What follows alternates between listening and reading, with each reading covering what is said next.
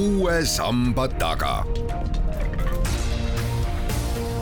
sammaste taha aitab vaadata sajaaastane eestikeelne rahvusülikool tere, Tartu Ülikooli ja Tervise Arengu Instituudi eestvõttel tehti üks vaimse tervise uuring ja see tänase saate sisuks on, millised olid need eesmärgid, millised on siis soovitused, järeldused ning kaasprofessor Kirsti Akkermann on tulnud mikrofoni ette usutlemas Madis Ligi. kõigepealt, keda see uuring haaras? see uuring haaras tervet Eesti elanikkonda, see tähendas seda, et äh, meil oli nüüd esmakordselt võimalik teha nii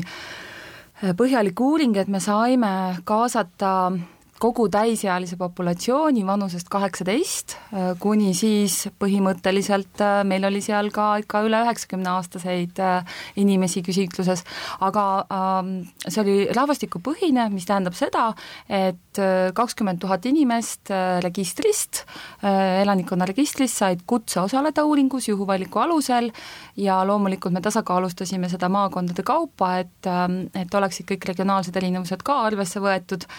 ja lisaks me saime veel uurida ka väikesel alavalimil äh, viieteist kuni seitsmeteistaastasi noori, aga tõesti väga väikesel alavalimil. nii et võiks öelda, et see oli esimene suurem Eesti rahvastiku vaimse tervise uuring, mis hõlmas kogu populatsiooni. aga vastamine oli siis netipõhine? Me andsime inimestele võimaluse vastata veebipõhiselt ja andsime ka paberpliiatsil võimaluse vastata ja loomulikult seda kasutasid äh, mõned inimesed, vanemaealised või lihtsalt, kelle eelistus see oli, et, ähm, et me saatsime neile siis ümbrikuga küsimustikud koju ja, ja nemad vastasid meile siis ja saatsid tagasi vastused. aga õnneks piisavalt palju inimesi võttis teie kutset kuulda, vastasid, teil on äh, ja teil oli, mida läbi töötada, analüüsida, järeldusi teha? noh, öeldakse selliste suurte rahvastiku vaimse tervise uuringute puhul, kui kakskümmend tuhat inimest sai kutse ja osales ligi kuus tuhat inimest, siis seda peetakse päris heaks vastamisprotsendiks nüüd jõuame siis nende järelduste juurde, kas üldhinnang äh, oli ärevaks tegev, et koroona mõjutas inimesi nii, et me peame muretsema oma vaimse tervise pärast või teps mitte? noh, oleme ausad, et äh, enne seda uuringut tegid nii Tervise Arengu Instituudi kui ka Tartu Ülikooli uurijad äh, Äh, teineteisest sõltumatult äh, sellised äh, kriisiolukorra ja eriolukorra uuringud. ja seal me nägime selliseid esimesi alarmimärke, et meie rahvastikus, see oli küll tollel hetkel tõesti mugavusvalimil tehtud, kes soovis osaleda, see sai ligipääsu uuringule, ja uuring oli avatud ainult üks kuu ja, ja me saime ikkagi teada seda, et inimeste ärevuse tase ja nende depressiooni tase on kõrgem, nende risk vaimse tervise selliseks probleemideks oli juba suurem, võrreldes siis nüüd varasemate sellise terviseuuringu küsimustega. aga, aga mis on muidugi nagu selliste mugavusuuringute probleem, et me ei saa teha põhjapanevaid järeldusi ja meil ei olnud piisavat esinduslikkust äh, ei äh, valimi näol, ehk teatavasti väga paljud mehed ei taha osaleda vaimse tervise uuringutes, mistõttu me oleme eriti õnnelikud, et Eesti rahvastiku vaimse tervise uuringus meil õnnestus mehi kaasata äh, valimisse, aitäh kõigile, kes osalesid ja, ja me saame teha nüüd äh, veidi julgemalt neid järeldusi, et jah, tõesti, pandeemia, Covid pandeemia avaldas mõju Eesti rahvastiku vaimsele tervisele, eelkõige selles, et äh, vaimse tervise risk just depressiooni ja ärevushäirete mõttes suurenes küll. Ja seda näitavad tegelikult äh, meil sellised võrdlused kaks tuhat üheksateist terviseuuringu andmetega, kus meil oli võrreldavat metoodikat võtta ja, ja tegelikult ka võib-olla sellised kvalitatiivuuringud näitavad seda, et, et tervis on, vaimse, vaimne tervis läks kehvemaks. ja seda nii äh, meeste kui naiste osas, nii noorte kui vanade? Vot seal tulid nüüd väga huvitavad erinevused, et kui siin pandeemia alguses olid ähm, väga selged äh, hirmud, et vanemaealised saavad kõige rohkem pihta ja selle, sellepärast just, et neid isoleeriti, äh, noh, ütleme eriolukorra tõttu inimesed jäid ikkagi väga üksi.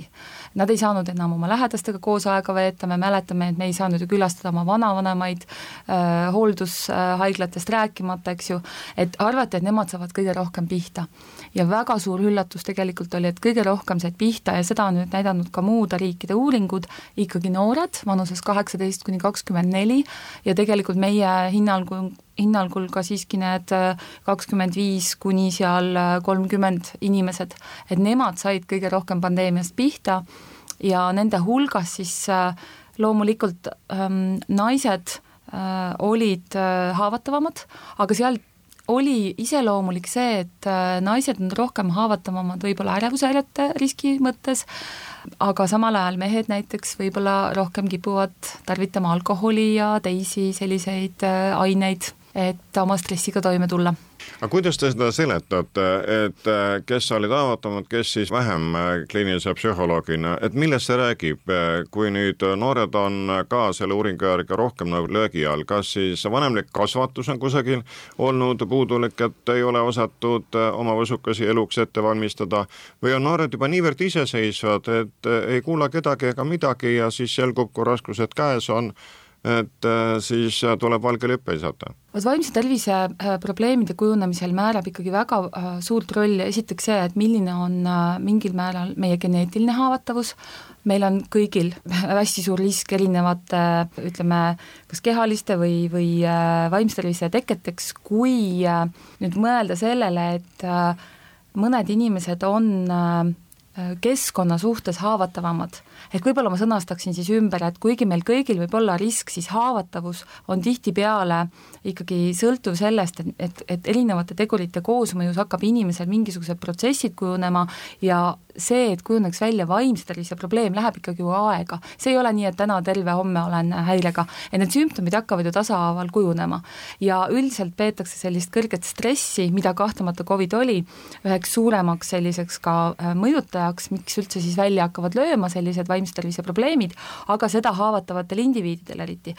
tulles teie küsimuse juurde, siis ma ütleksin seda, et äh, kui me mõtleme noortele, siis mis keskkonnas nemad on pidanud üles kasvama, need kaheksateist kuni kahekümne nelja aastased? Äh, nemad on elanud äh, esiteks nende vanemad pidid hakkama saama väga keerulistes majanduslikes oludes, kui nad need lapsed said. kui te mõtlete, et et äh, meil oli siin majanduskriis, algas kaks tuhat seitse, mis kestis Eestis, need järelmõjud olid päris pikka aega tegelikult, meil on olnud väga selliseid äh,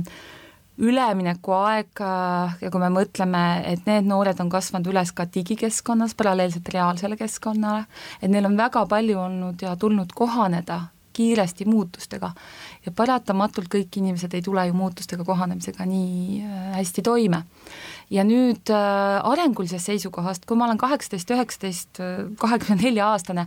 mis on minu arenguline ülesanne, saada iseseisvaks äh,, luua suhteid äh,, äh eralduda vanematest äh,, minna tööle, hakata ise endale raha teenima, mis meil juhtus, töökohad, paraku just need töökohad, mis on need kõige ajutisemad, ju pandi kinni, kõik, mis puudutas teenindussektorit, meelelahutust, kus noored tihtipeale töötavad, äh, äh, kaubandussektor, äh, meil ju eriolukorra ajal kõik suleti, töökohad kaotati, noored pidid koju oma vanem, pidid uuesti kolima vanemate juurde elama ju. Et tegelikult sellised arengulised ülesanded, mida üks noor inimene peab tegema, need jäid neil täitmata. ja võib-olla see, et sotsiaalne isoleeritus, mis ikkagi oli ju inimeste vahel ja nad ei saanud ka omavahel suhelda, et, et kõik see võis panustada sellesse, et ikkagi nende vaimne tervis äh, progresseeruvalt ka halvenes nii et äh, alati vaimse tervise häire kujuneb erinevate tegurite koosmõjus. et ei saa öelda alati, et vanemluses on probleemid, eks ju, vaid, vaid siin on ilmselt mitu asja ja me võime ka mõelda, kas ühiskonnas on äkki midagi sellist, meie enda ühiskonnas äh,, mis soosib tegelikult vaimse tervise probleemide suurenemist. sest ainult ei olnud ju noored, kes pihta said pihta said ikkagi ka siin keskealised, mitte küll nii paljud ei ole vaimse tervise riskis, aga siiski kogu elanikkonnas, kui me mõtleme, et seal oli veerand populatsioonist on depressiooniriskis ja ärevushäirete riskis on ikkagi ka julgelt ikkagi üle kahekümne protsendi, siis on väga-väga kõrge protsent ikkagi.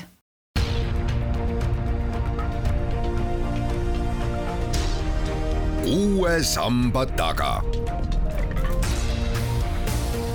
sammaste taha aitab vaadata sajaaastane eestikeelne rahvusülikool proua Kaspar Fäster, kui palju mängib aga vaimse tervise puhul ja selle olukorra suunamisel, olgu siis alla või ülespoole, rolli see majanduslik kindlustatus, sotsiaalmajanduslik olukord, kuidas see uuringust välja paistab? üldiselt on teada ka varem juba, et sot-, et sotsiaalmajanduslikud tegurid mängivad päris suurt rolli ja just suurendavad riski vaimse tervise Äh, probleemide ees ja meil olid äh, nüüd äh, võimalik tõesti vaadata sellised sissetulekute järgi kuidas, kuna meil oli Töötukassa andmed, meil olid Tervise- ja Haige, Haigekassa andmed, me saime nagu vaadata ka inimeste sissetulekute põhjal, et kas on erinevusi vaimse tervise probleemides. ja võiks öelda nagu, et jah, et eriti seal äh, keskealiste puhul, mida kehvem on su sissetulek, siis äh, seda vähem sa üldse käid vaimse tervise spetsialisti juures, kuigi häireid ei ole vähem, kui äh, ütleme, seal keskmise sissetulekuga inimeste puhul. et me nägime, et see suurendas riski, aga ilmselt on seal mingisugused asjaolud veel. Ja, ja me oleme väga palju mõtestanud seda, et, et miks sellises kehvema ja just äh, sissetulekute piiril me vaatasime miinimumsissetulekuga inimesed, miks nemad on nii palju pihta saanud, siis ähm, ühelt poolt võime öelda, et äh, võib-olla nende teenuste kättesaadavus on kehvem et äh, ja võib-olla on neil tervis juba niigi väga halb, neil oli ka rohkem äh, kehalisi haigusi ja kroonilisi terviseprobleeme. Ja kui sul on niigi füüsiline tervis kehva, siis äh, sa ei hakka veel mõtlema, kus ma leian psühhiaatri aja, et kui me teame, et Eestis on ravijärjekorrad siin pool aastat kuni võib-olla rohkem, et, et neil on niigi nii palju eluprobleeme, et vaimse tervis on viimane asi, millele nad mõtlevad. Ja kergem on tõesti siis alkoholiga leevendada oma stressi, oma vaimse tervise probleeme või muude psühhoaktiivsete ainetega, aga, aga kahjuks nii on jah, et teenused ei ole nendele inimestele kättesaadavad, nad ei ole ilmselt nii teadlikud, mis on üldse vaimne tervis, kuidas üldse vaimse tervise probleeme ravida. Ja, ja see nende keskkond ei toeta üldse seda ilmselt seda vaimse tervise peale mõtlemist ja ravi, et see teadlikkus on vähene positiivne lähenemine on aga see, et kui ma kogun informatsiooni või otsin inimlikku tuge, kui ma ise jään hätta, kurdan sõbrale või sõbrannale, kuidas sellest raskest seisust välja tulla ja helgem homse poole samme seada mm, -hmm. kuid jah. väga palun. õige tähelepanek ja tõenäoliselt neil ei ole ka selliseid toimetulekumeetodeid, et ise, ise hakkama saada, et nad ei ole õppinud ära selliseid vaimse tervise esmaabivõtteid või nad ei, ei saa hästi aru, kuidas ennast juhtida ja ennast aidata ka ise, neil ei ole oskusi, keegi ei ole ka neile õpetanud neid oskusi no terviseõpetus äh, nii või teisiti on ju koolides olemas, nüüd on äh, küsimus ju selles, et kui palju sellest külge jääb, kui palju võetakse õppust õpetatavast. ja millega see sisustatakse tegelikult, et äh, kas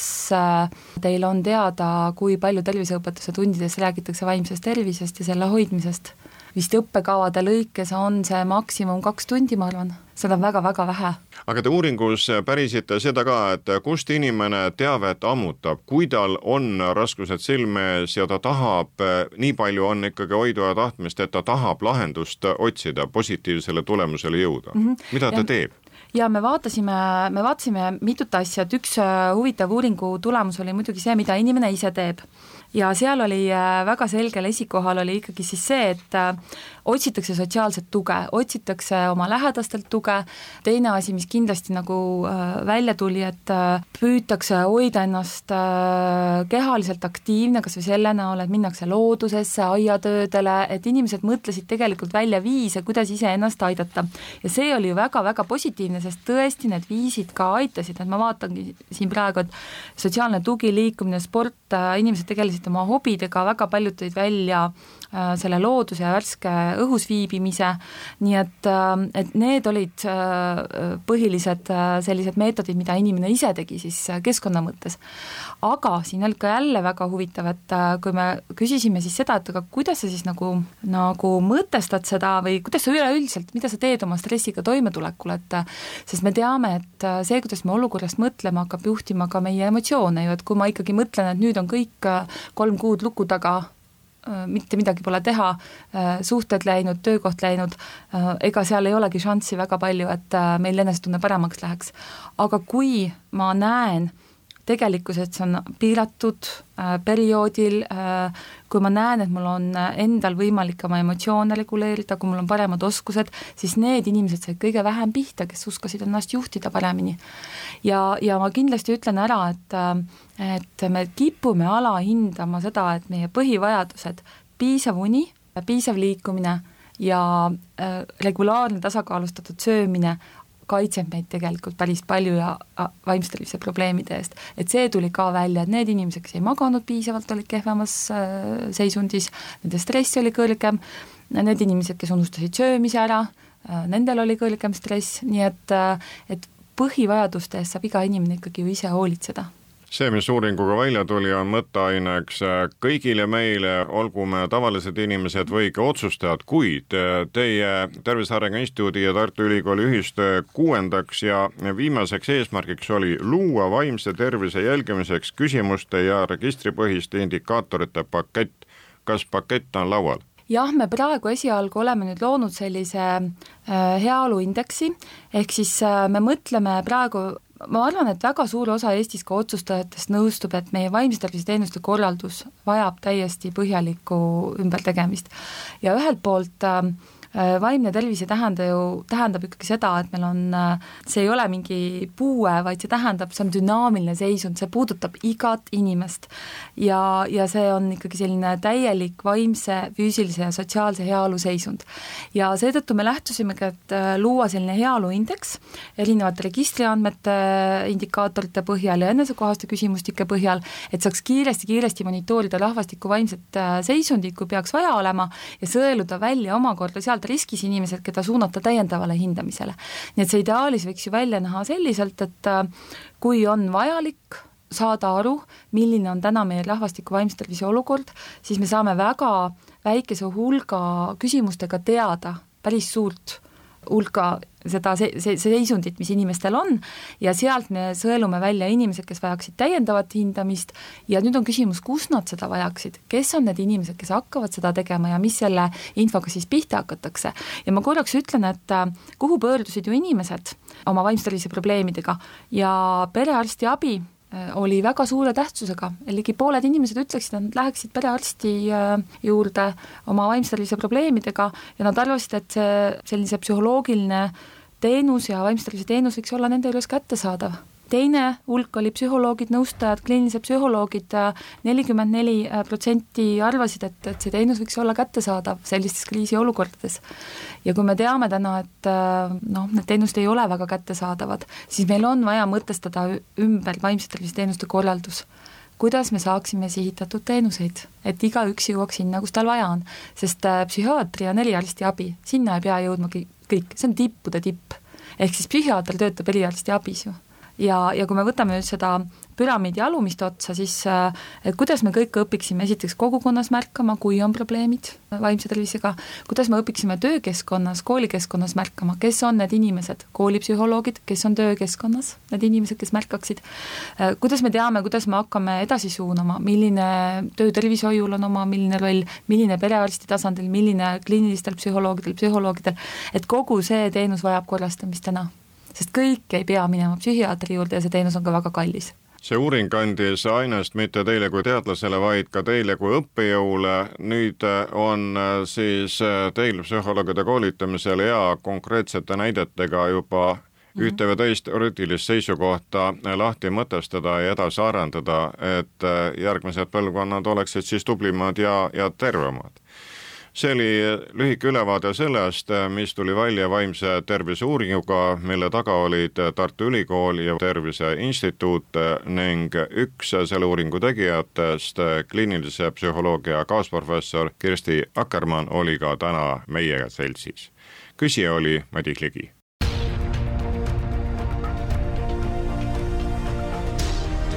uue samba taga sammaste taha aitab vaadata sajaaastane eestikeelne rahvusülikool